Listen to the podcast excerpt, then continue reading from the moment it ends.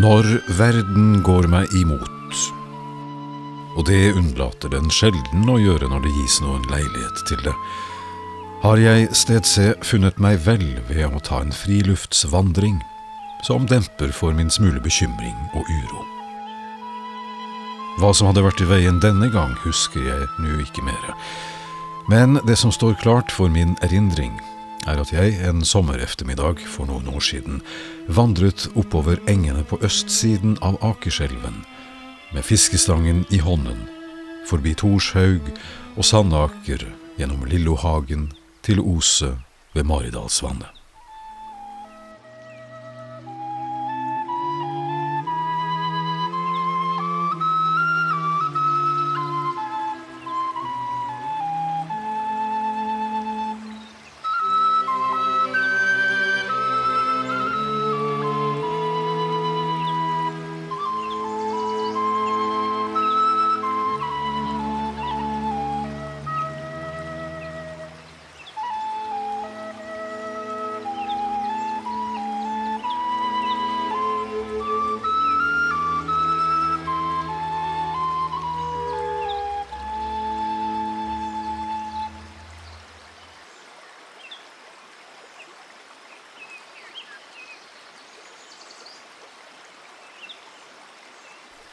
Den klare luft, høylukten, blomsterduften, gangen, fuglekvitteret og de friske luftningene ved elven virket i høy grad opplivende på mitt sinn.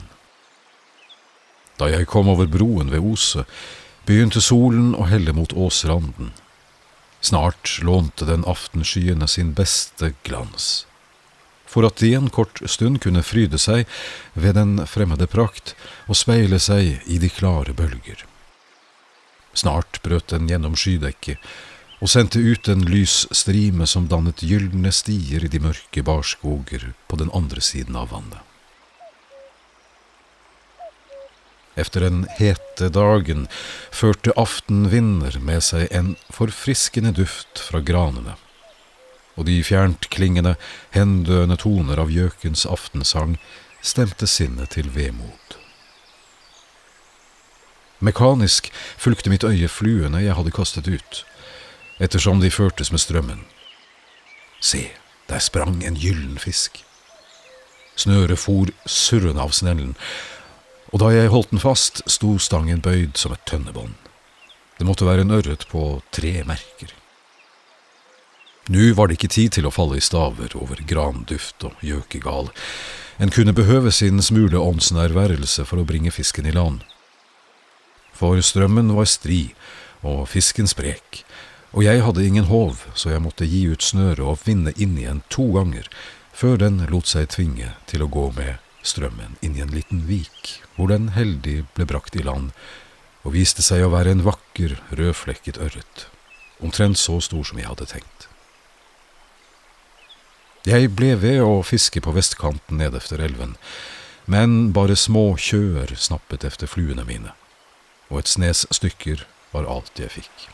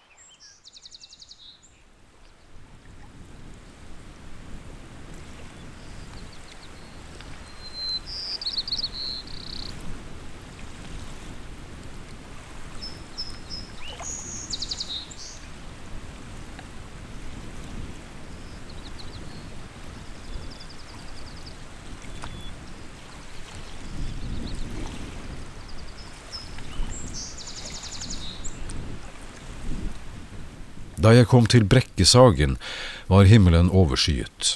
Det var alt temmelig mørkt. Bare ved den nordvestlige rand av synskretsen sto en eplegrønn strime, som kastet et dempet lys på sagdammens stille flate. Jeg gikk ut på lensen og gjorde noen kast, men med lite hell. Ikke et pust rørte seg. Vinden syntes å ha gått til hvile, og bare fluene mine brakte det blanke vannet til å skjelve.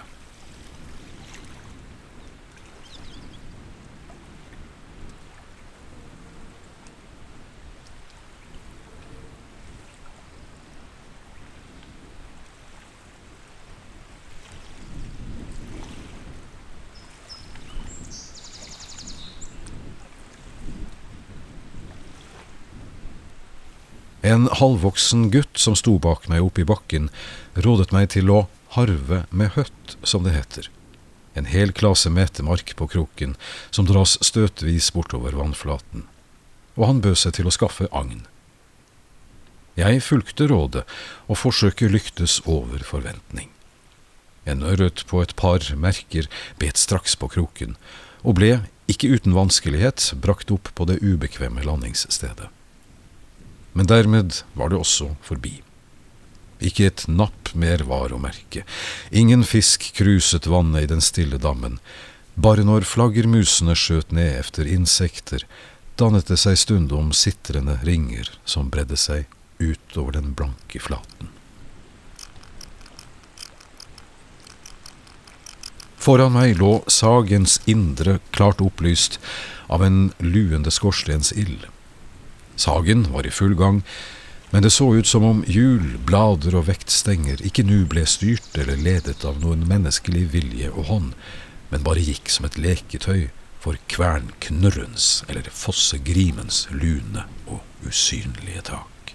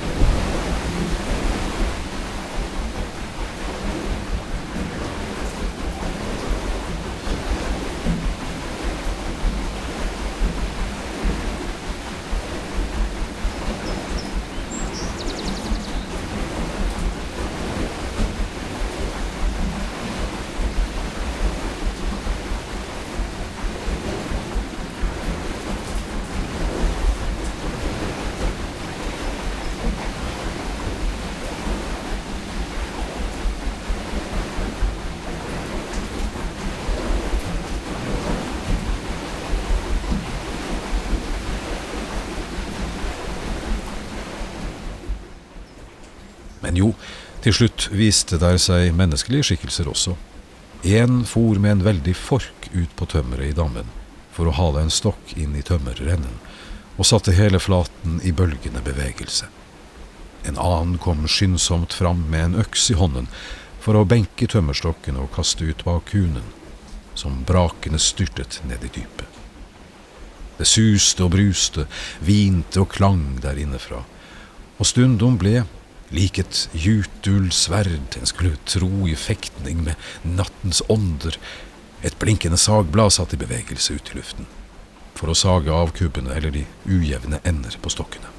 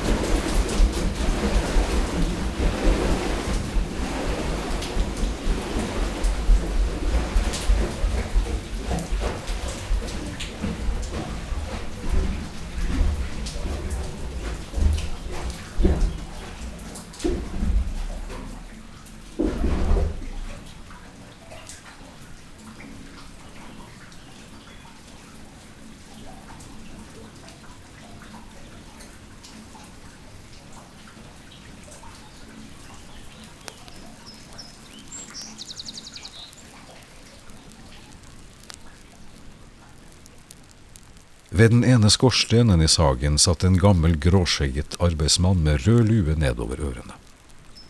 Skyggen av skorstenen hadde skjult ham for meg. Da han hørte at jeg gjerne ville hvile og varme meg litt, tok han straks en stokkeknubb og laget et sete til meg ved ilden. Ja, det der var en lekker fisk, sa den gamle. Han tok den siste ørreten jeg hadde fått, i hånden. Og det er en hakefisk au. Han veier mest tre merker. Den har de sikkert fått i dammen her.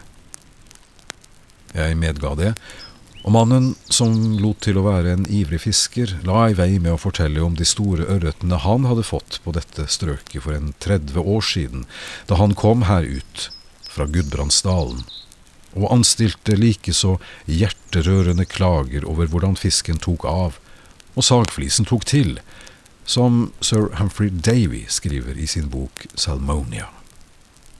Fisken den tar av, sa han, med en stemme som trengte gjennom sagduren. For slik en gullhake inte større enn den der er det rart å få nå. Men sagflisa den tar til år for år, og en kan ikke undres over at fisken ikke går ut i elva, For lukker den på kjeften og skal ta en god svelg med reint vann, så får den hele kroa full av sagflis og mukker. Den fordømte sagflisa, Gud forlate meg, misunn likevel, det er nå saga, da, som gir oss brød, både meg og mine. Men jeg blir så arg når jeg tenker på de svære kolvene jeg har dratt her i gamle dager. Gutten var imens kommet efter med fiskekurven, men han så ut til å være ille til mote over all larmen og uroen i sagen. Forsiktig trådte han på gulvbreddene, og på ansiktet hans så en hvor engstelig han var for vannet som bruste mellom hjulene under føttene på ham. Her er det fælt å være, og jeg skulle ønske jeg var vel hjemme, jeg, sa han. Hører du ikke hjemme her? spurte jeg. Hva er det for en kar, da? Hvor er du fra? spurte den gamle. Å, svarte gutten, jeg er fra gamlebyen, og så har jeg vært hos fullmektigen på Brekke med et brev for lensmannen, men jeg er så redd for å gå alene i mørket, svarte gutten, som hele tiden hadde holdt seg i nærheten av meg. Skjems du ikke for å syte for slikt, så stor og lang du er, sa den gamle, men litt etter la han trøstende til, rett nå kommer månen opp, vet du, og du får nok følge med denne karen her nedover. Ja, jeg lovte den mørkredde følgeskap like til Beierbroen, og det lot til å gjøre ham litt roligere.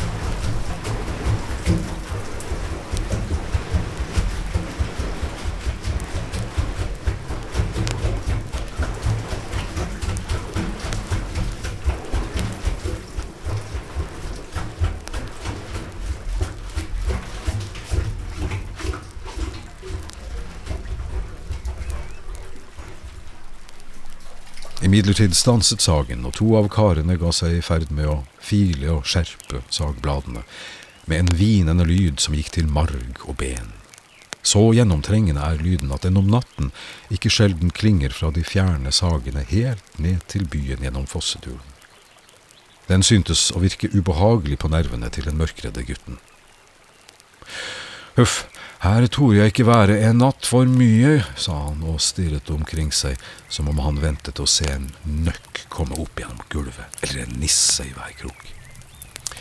Ja, nå, ja, jeg har vært her mange en natt, jeg, sa gamlingen, og inte har jeg hatt stort for det heller. Jeg har hørt av mor at det skal være så mye trollskap og fanteri i slike sager og kvernhus, kom det skremt fra gutten. Å ja, jeg har inte fornummet noe, jeg kan inte seia det, sa den gamle. Vatnet har nok blitt slått av og sett på for meg imellom når jeg har dorma litt på saga om natta, og imellom så har jeg hørt at det var litt tusling i bakhunden, men, men sett noe, det har jeg aldri. Og folk trur ikke på slikt heller nå, sa han, og skottet spørrende bort på meg. Og dermed så tør de heller ikke våge seg fram, for folk er for kloke og beleste nå dags. Ja, det kan du ha rett i, sa jeg, for jeg merket godt at det lå noe skjult bak det blikket han sendte meg, og jeg ville heller ha ham til å fortelle gamle historier enn å innlate meg på å drøfte hans tvil og påstand om at opplysningene skulle være en skremsel for nisser og underjordiske. Så jeg fortsatte. Det kan du ha rett i på en måte. I gamle dager var folk sterkere i troen på all slags trollskap. Nå later det som om de ikke tror på det, for å syntes, ja, kloke og opplyste, som du sier. Men i fjellbygdene hører en ennå at de underjordiske viser seg, tar folk inntil seg og slikt.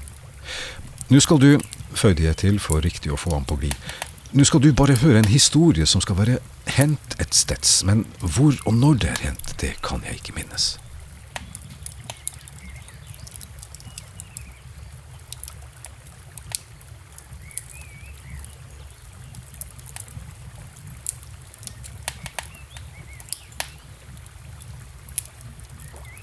Jo, du skjønner, det var en mann som hadde en kvern ved en foss, og der var det også en kvernknurr.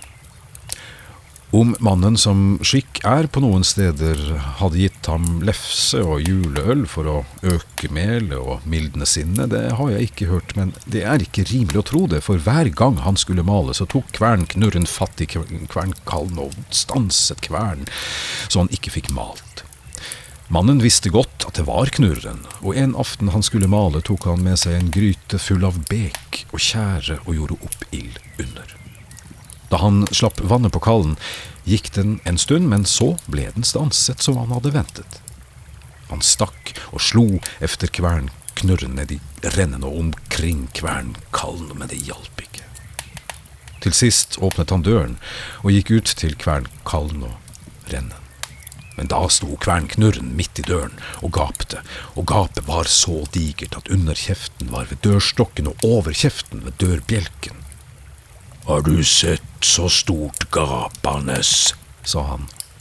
Og mannen for efter bekegryten som sto og kokte, og slo den i gapet på ham og sa, Har du kjent noe så hett og kokende, du? Da slapp kvernknurren kallen og satte i et forferdelig brøl. Siden har han verken vært sett eller hørt der, og heller ikke har han hindret folk i å male.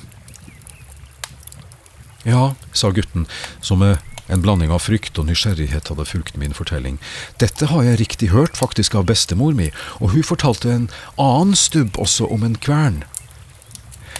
Det var oppå landet et sted, og ingen kunne få malt der, for det var så fullt av trollskap. Men så var det en fattig kjerring som var så nødig om å få malt litt en kveld, og hun ba om hun ikke kunne få lov til å male der om natten. Nei, gubbe vars, sa mannen som eide kverna. Det går da ikke an at du maler her i natt, det kommer til å spøke både for deg og kverna da, sa han. Men kjerringa sa at hun var så nødig om å få malt, for hun hadde ikke mjæl til å koke velling av, og ikke matbeten å gi ungene. Ja ja, til slutt så fikk hun lov til å gå på kverna og male om natten. Da hun kom dit, så gjorde hun varme på under en stor tjæregryte som sto der, og fikk kverna i gang, og satte seg til å binde på en hose i skorstenen. Og en stund kom det inn et kvinnfolk og hilste på. God kveld, du, sa hun til kjerringa. Ja, god kveld igjen, sa kjerringa, hun ble sittende og binde. Men rett som det var, tok hun som var kommet inn, til å kare varmen utover skorstenen. Kjerringa kara han i hop igjen, hun. Hva er navnet ditt, da? Sa den underjordiske til kjerringa. Å, jeg heter sjøl, jeg, sa kjerringa. Dette syntes hun var et rart navn, og så tok hun til å kare varmen utover skorstenen igjen. Og Kjerringa ble sinna og tok på å skjelle og kare han i hop igjen, og dette drev dem på med en lang stund. Men beste var, fikk kjerringa velta tjæregryta nedover den andre. Og hun til å hule og hoie og skrike, og så renta ut og ropte Far, far, sjøl har brent meg. Å, har du sjøl gjort det, så får du sjøl ha det, sa det borti berget. Det var da godt at det ikke gikk galt med den kjerringa, sa den gamle gråskjeggen. Hun kunne jo gjerne ha brent opp både seg sjøl og kverna. Da jeg var hjemme, hørte jeg tale om noe slikt som skulle ha hendt der i gamle dager. Det var en gardmann der som hadde ei kvern, og den brann for han to pinsekvelder på rad. Da det lei til pinstida tre av året, så var det en skredder hos han og sydde helgeklær. Skal tru hvordan det går med kverna denne gangen, tru du skal brenne der i natt au, sa mannen. Jeg skal ikke ha nau med det, sa skredderen, for gi meg nøkkelen, så skal jeg passe kverna. Det tykte mannen var både vel og bra, og da det lei på kvelden, fikk skredderen nøkkelen og gikk ned i kverna. Hun var tom ennå, for hun var nybygd, og så satte han seg midt på gulvet, tok krittet sitt og slo en stor ring rundt ikring seg, og rundt om den ringen skrev han Fader vår. Og så var han ikke redd om så sjølve fanden skulle komme. Da det var høgst nattes, flaug døra opp med ett, og inn kom det så tjukt med svarte katter at det yrde rundt omkring. Og de var ikke seine før de fikk ei gryte på peisen og til å legge på under, og så tok det til å brase og frase i gryta, som om hun var full av kokende vek og tjære. Ha-ha, tenkte skredderen, henger det slik i hop? Og ikke før hadde han sagt det, før ei av kattene skauv labben bak gryta og ville velte. Hysj, katte, du brenner deg, ropte skredderen. Hysj, katte, du brenner deg, sier skredderen til meg, sa katta til de andre kattene, og alle sammen bort fra peisen og til å hoppe og danse rundt om ringen. Men rett som det var, luska katta bort til peisen att og ville skubbe over endegryta. Hysj, katte, du brenner deg, skreik skredderen og skremte av fra peisen. Hysj, katte, du brenner deg, sier skredderen til meg, sa katta til de andre kattene, og alle sammen til å danse og hoppe, og rett som det var, så var de borte att og fresta og, og velte gryta. Hysj, katte, du brenner deg, skreik skredderen, og tok slik i at de for bort etter gulvet, den ene etter den andre, og så tok de til å hoppe og danse som før. Så slo de krins omkring ringen og tok på å danse rundt omkring, snøggere og snøggere, og til slutt så snøgt at det gikk reint rundt for skredderen, og de glodde på han med slike store, fæle øyne, som om de ville ete han levende. Men best som det var, stakk den katta som hadde vært i ferd med å velte gryta, labben sin innafor ringen, jo som hun hadde hug til å ta tak i skredderen. Men da skredderen så det, så løste han på teljekniven og helt den ferdig. Og rett som det var, slo katta labben innafor ringen att, men i samme blinken hakka skredderen labben ta, og alle kattene ut det forteste de vant. Med ul og med skrik. Men skredderen la seg i ringen og sov til sola sto langt inn på gulvet til den. Så sto han opp, leste att kverna og gikk opp på gården. Da han kom inn i stua, så lå både mannen og kjerringa enda og sov, for det var pinsemorgen. Signe dagen, sa skredderen og ga mannen hånda. Takk deg au, sa mannen og ble både glad og undren over at han fikk sjå att skredderen, det kan jeg nok veta. Signe dagen, mor, sa skredderen og bau kjerringa handa. «Eh, takk deg au, sa kjerringa, men hun var så bleik og så så rar og forstyrra ut, og hånda si gjemte under fellen. Men til slutt retta hun fram den venstre hånda til henne, og da skjønte skredderen hvordan det hadde seg. Men hånd sa til mannen, og hvordan det gikk kjerringa, det veit ikke jeg.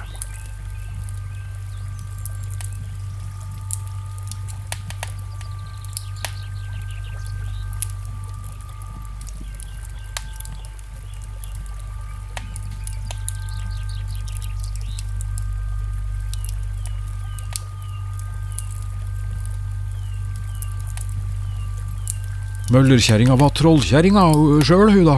spurte gutten. Ja, kan veta det, sa gamlingen.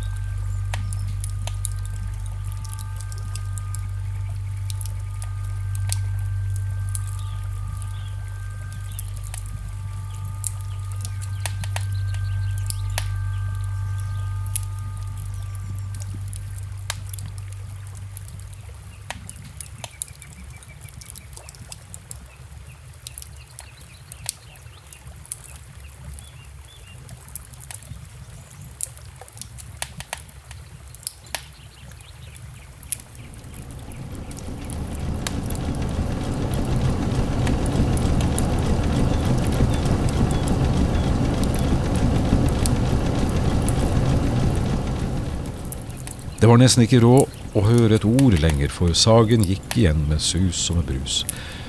Månen var oppe, og trettheten vek efter den korte hvilen. Jeg sa derfor farvel til den gamle, og gikk elvedraget og myrene ned i dalen.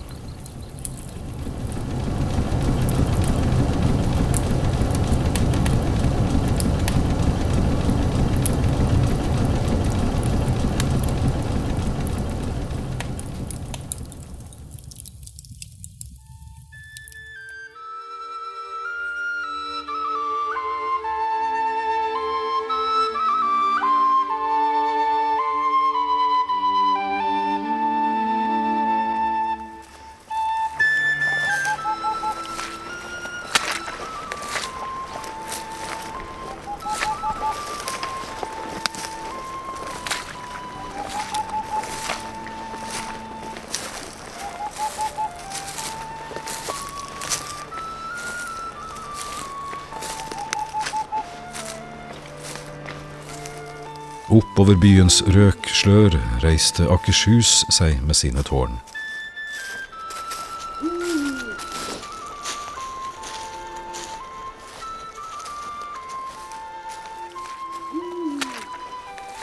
De trådte klart frem mot fjordens speil, som Nesodden kastet seg langt ut i som en mektig slagskygge.